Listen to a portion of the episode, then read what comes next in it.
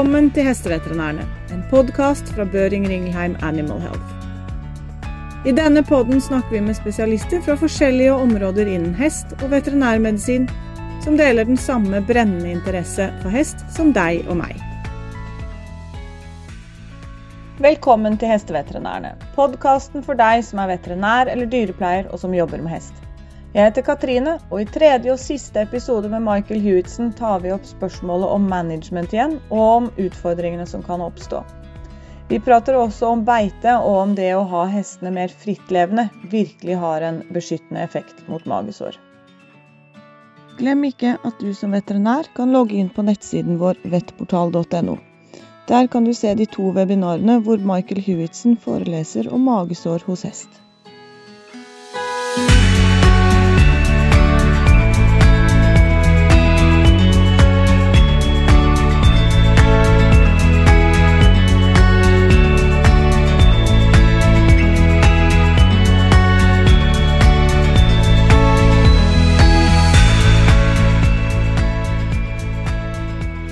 Then let's move on to the management.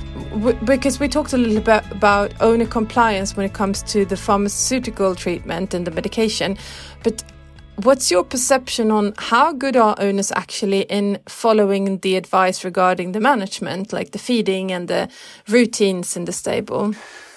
Well, I think it's challenging because um, again, you know, if we consider the type of horse we're talking about, if you think about competition horses, um, and I did sort of allude to this at the beginning of of of uh, this podcast, was that you know a lot of these horses um, are essential essential means of income for these people, and um, when you think about competition horses.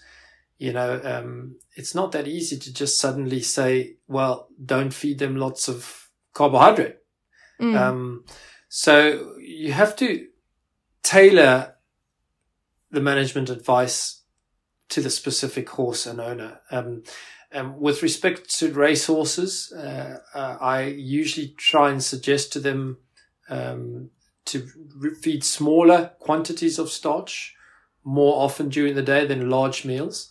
Um, and that's based on, on, on Nanna Luthersson's work where she demonstrated, you know, more than one gram per kilogram of starch um, uh, per feed was a risk factor, um, and a total of two grams per kilo per day was a risk factor. So, you know, you could perhaps um, try and reduce that um, excessive fermentation in the stomach and the production of all those um, volatile fatty acids um, by feeding smaller feeds more often during the day.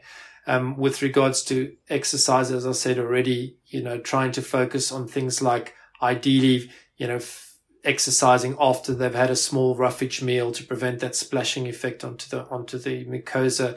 Um, and in an ideal world, perhaps even going so far as uh, doing intense exercise in the afternoon when they've got roughage in their stomachs and limiting intense exercise to to 40 minutes or so um, and then the rest days, as we've discussed already. I think those things uh, you have to tailor to the specific training yard or the, or, or the competition horse that you're talking about.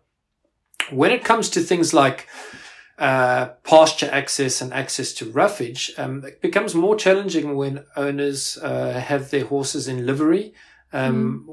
where somebody else is taking care of some of the management aspects. Um, and I think that's often a place where where where we fall down because mm. because it's one it's, it's very easy for us to say okay well you know make sure that this horse has uh, ad lib roughage access to ad lib roughage but then you go to the yard and um, the the yard owner puts some hay into the horse's stable in the morning and in the evening and and and they finish it after two hours and then there's nothing you know mm. Um, so getting that right is can be a real challenge, and it goes back to what I was saying earlier. You know, if you're getting non-responders, it's really worthwhile going and looking in detail at whether or not those management recommendations are actually being implemented or not. Mm-hmm. The other challenge is we assume that a horse that's turned out is going to be protected. But actually, that's very, very uh, naive of us because it depends on the quality of the pasture. Um, It and it goes both ways. Poor posture, of course, means those horses are not going to get enough roughage. Um, And in those cases, you should be ideally supplementing them with roughage out in the field, uh, you know, from a uh, from a hay feeder or whatever, um, or, or large bale. Uh, on the other hand, you could be turning a horse out into a very rich pasture that's got a lot of um, uh, sugar in, in, in the grass. And those horses then end up f- with a significant fermentation in their stomach, uh, with Right, production of more volatile fatty acids. So, so it's, it's very easy for us just to say, yes, turn them out, reduce starch, don't exercise them as much. But actually, we need to tailor those those recommendations to the specific horse and the specific yard and what's possible and what's not possible.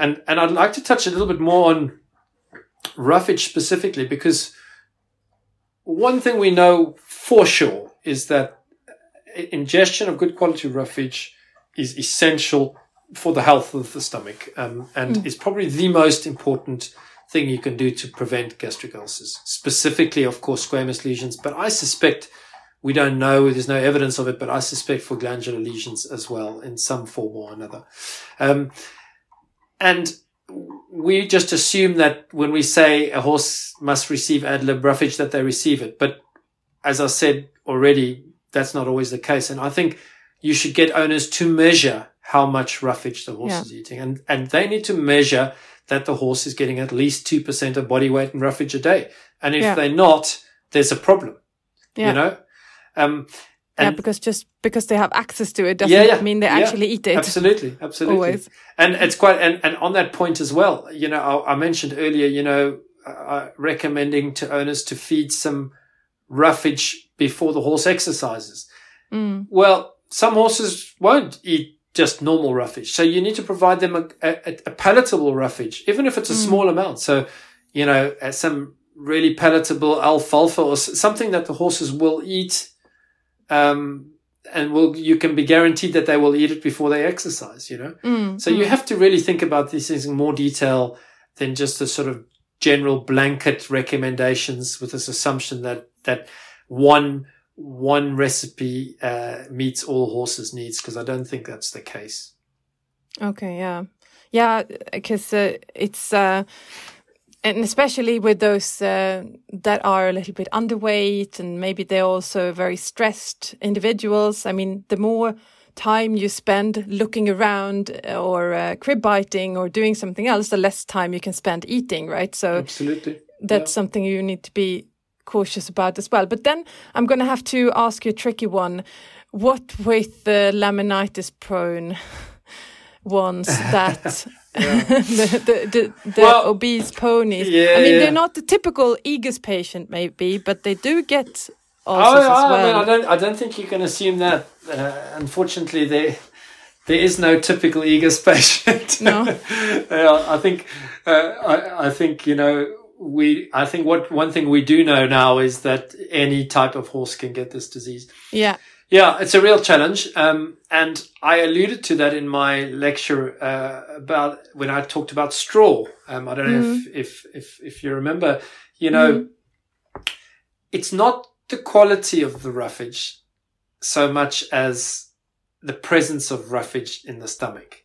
Mm. Um, so, you know, a horse, let's say an obese pony with laminitis and equine uh, metabolic syndrome, uh, you know, you're going to want to limit the amount of roughage that you give that that horse, um, uh, you know, to one and a half percent of body weight or something.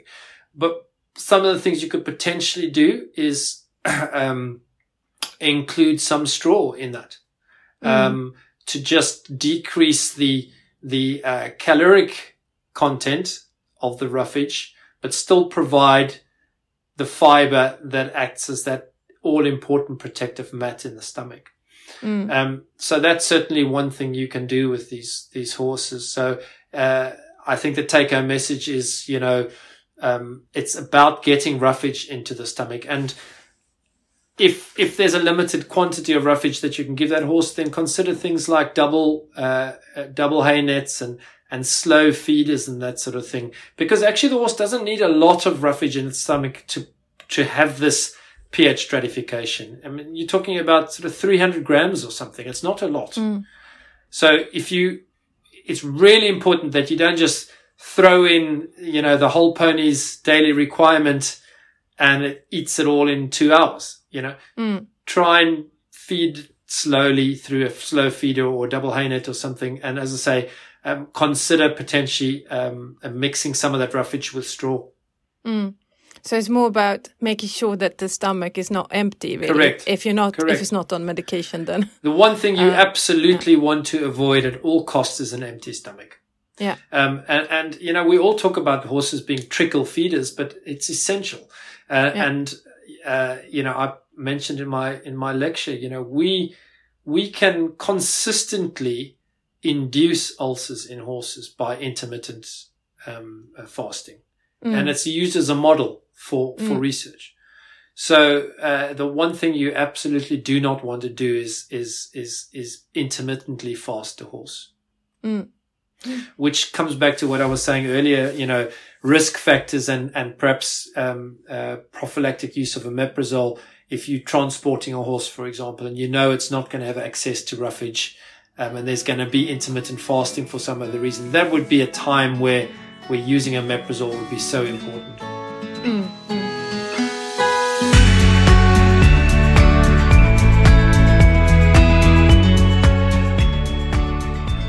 Speaking of pasture, uh, what's your thoughts of the newly published uh, study by Nanna Luthersson and her team in Icelandic horses? I think it showed that 70, around 70% of the horses had uh, ESGD in the study. What's your what's your thoughts on this one?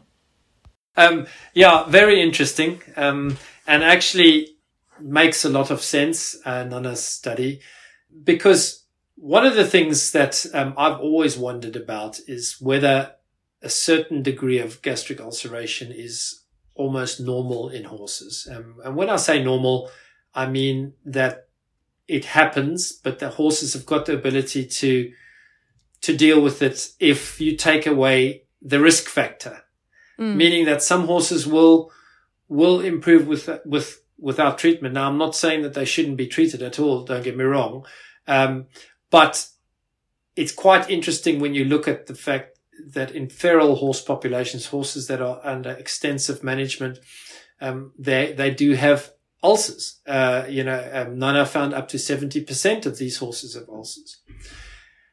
It doesn't mean that they shouldn't be treated, um, but it does suggest that there are risk factors in the normal um, environment of a horse that are not related to to man-made risk factors that can predispose a horse to ulcers.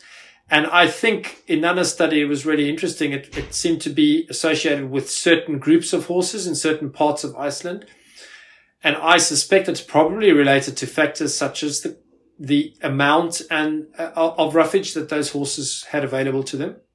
Um, and also potentially the stresses, the, the, the social stresses that those horses might have been under at that time. You know, um, uh, perhaps, you know, two stallions vying for, for, for, um, uh, uh, you know, control of the herd and, and, and what, who knows, or, or environmental stresses, you know, particularly cold weather or, or anything like that, that could potentially predispose these horses to ulcers. So, um, it's an interesting study and it, it, it, it supports the thought that, um, the, the risk factors for gastric ulceration in horses are multifactorial and they're not necessarily just associated with man-made intensive um, uh, uh, domestication. And actually, Nanna showed really nicely that actually man-made intervention can reduce the uh, the prevalence of these ulcers by surprise, surprise, providing good quality roughage.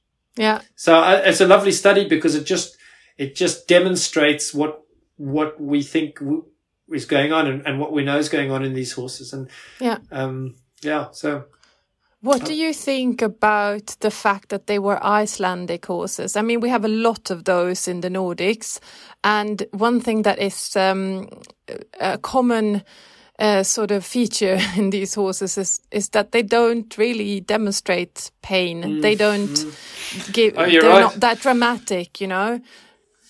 Yeah, I mean, I worked with them when I was in Helsinki, and and you know, as you know, I mean, if an Icelandic horse shows colic, you got to know that they're extremely sick.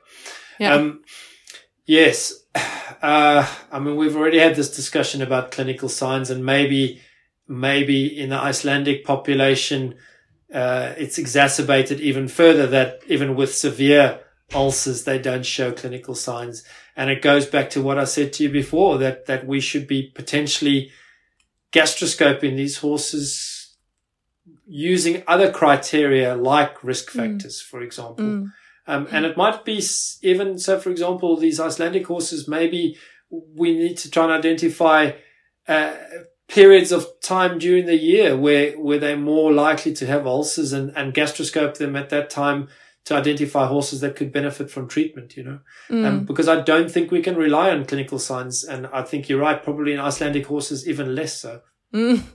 Are there any myths or misconceptions on EGUS that you would like to take the opportunity to debunk? Maybe my comment about the typical EGUS patient was one of them.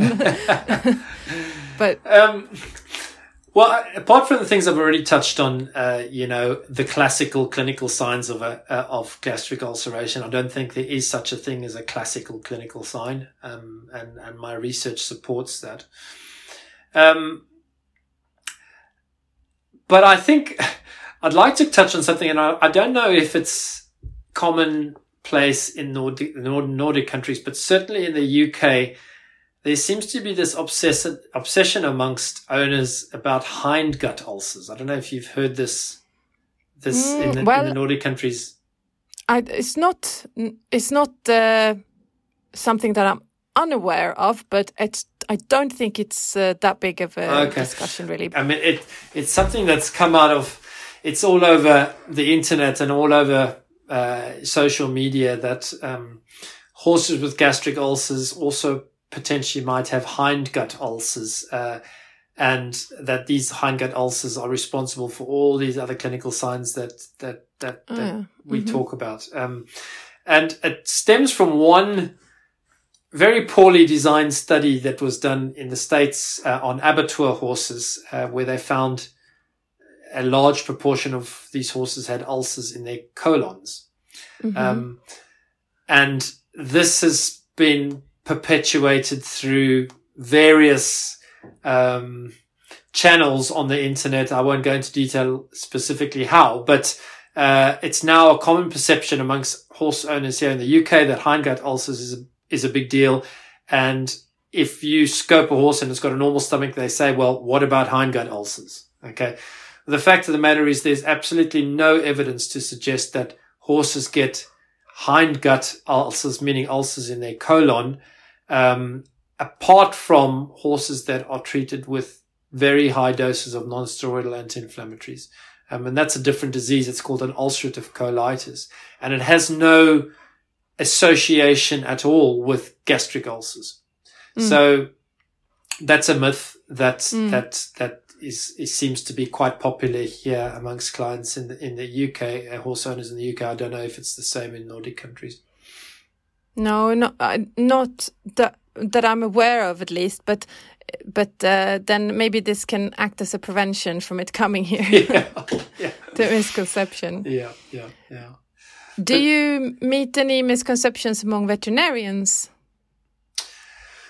Um, no, I think most veterinarians are are are very familiar and very aware of equine gastric ulcer syndrome. I mean, there's been so much literature on it, um, uh, and we've learned so much over the past 10 years that um, I think most veterinarians are, are, are, very comfortable with with the treatment. Um, mm. uh, I think the only thing I would just try and remind veterinarians uh, are the importance of identifying which part of the stomach is affected um, because mm. of the differences we've talked about. Mm.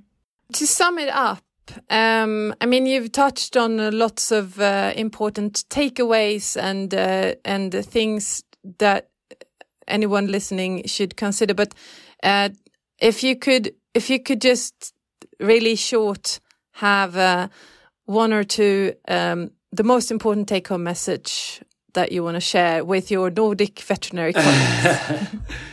right. I, I think, um, and I, I, have touched on these things already, but I'll summarize them again or conclude. The first thing is um, uh, make sure that you differentiate between squamous gastric disease and glandular gastric disease when you're gastroscoping these horses. Um, you, you, can't just assume that uh, you treat gastric ulcers the same. Um, I think we know that, and and hopefully I've shown you that in my lectures. The second thing is don't just rely on clinical signs to recognize a horse that could benefit from gastric um, uh, gastroscopy.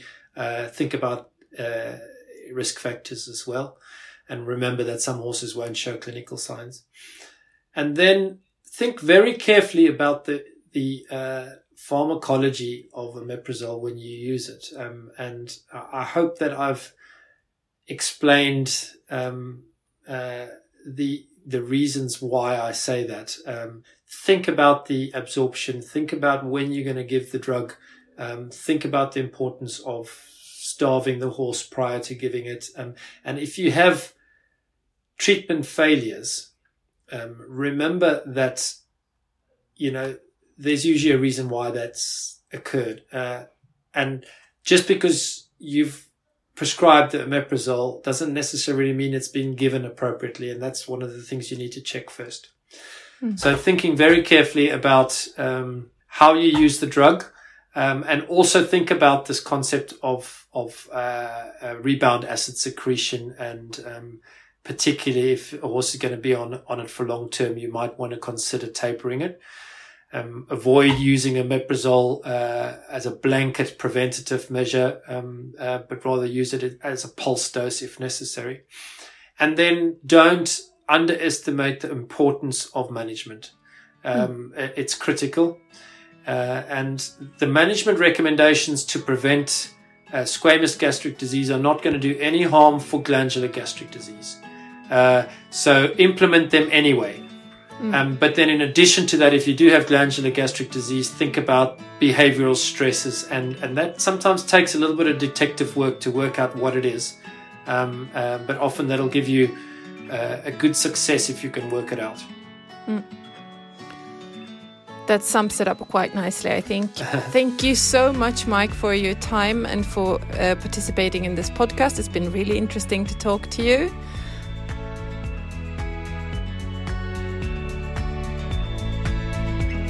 Tusen takk for at du lytter til Hesteveterinærene. Hvis du liker det du hører, glem ikke å trykke følger eller lignende i podkastappen din, slik at du ikke går glipp av en eneste episode. Fortell også gjerne om hva du syns ved å gi en tilbakemelding. Vi tar også gjerne imot tips om kommende gjester og emner. Kontaktinformasjonen vår finner du i beskrivelsen av podden. Vi høres snart!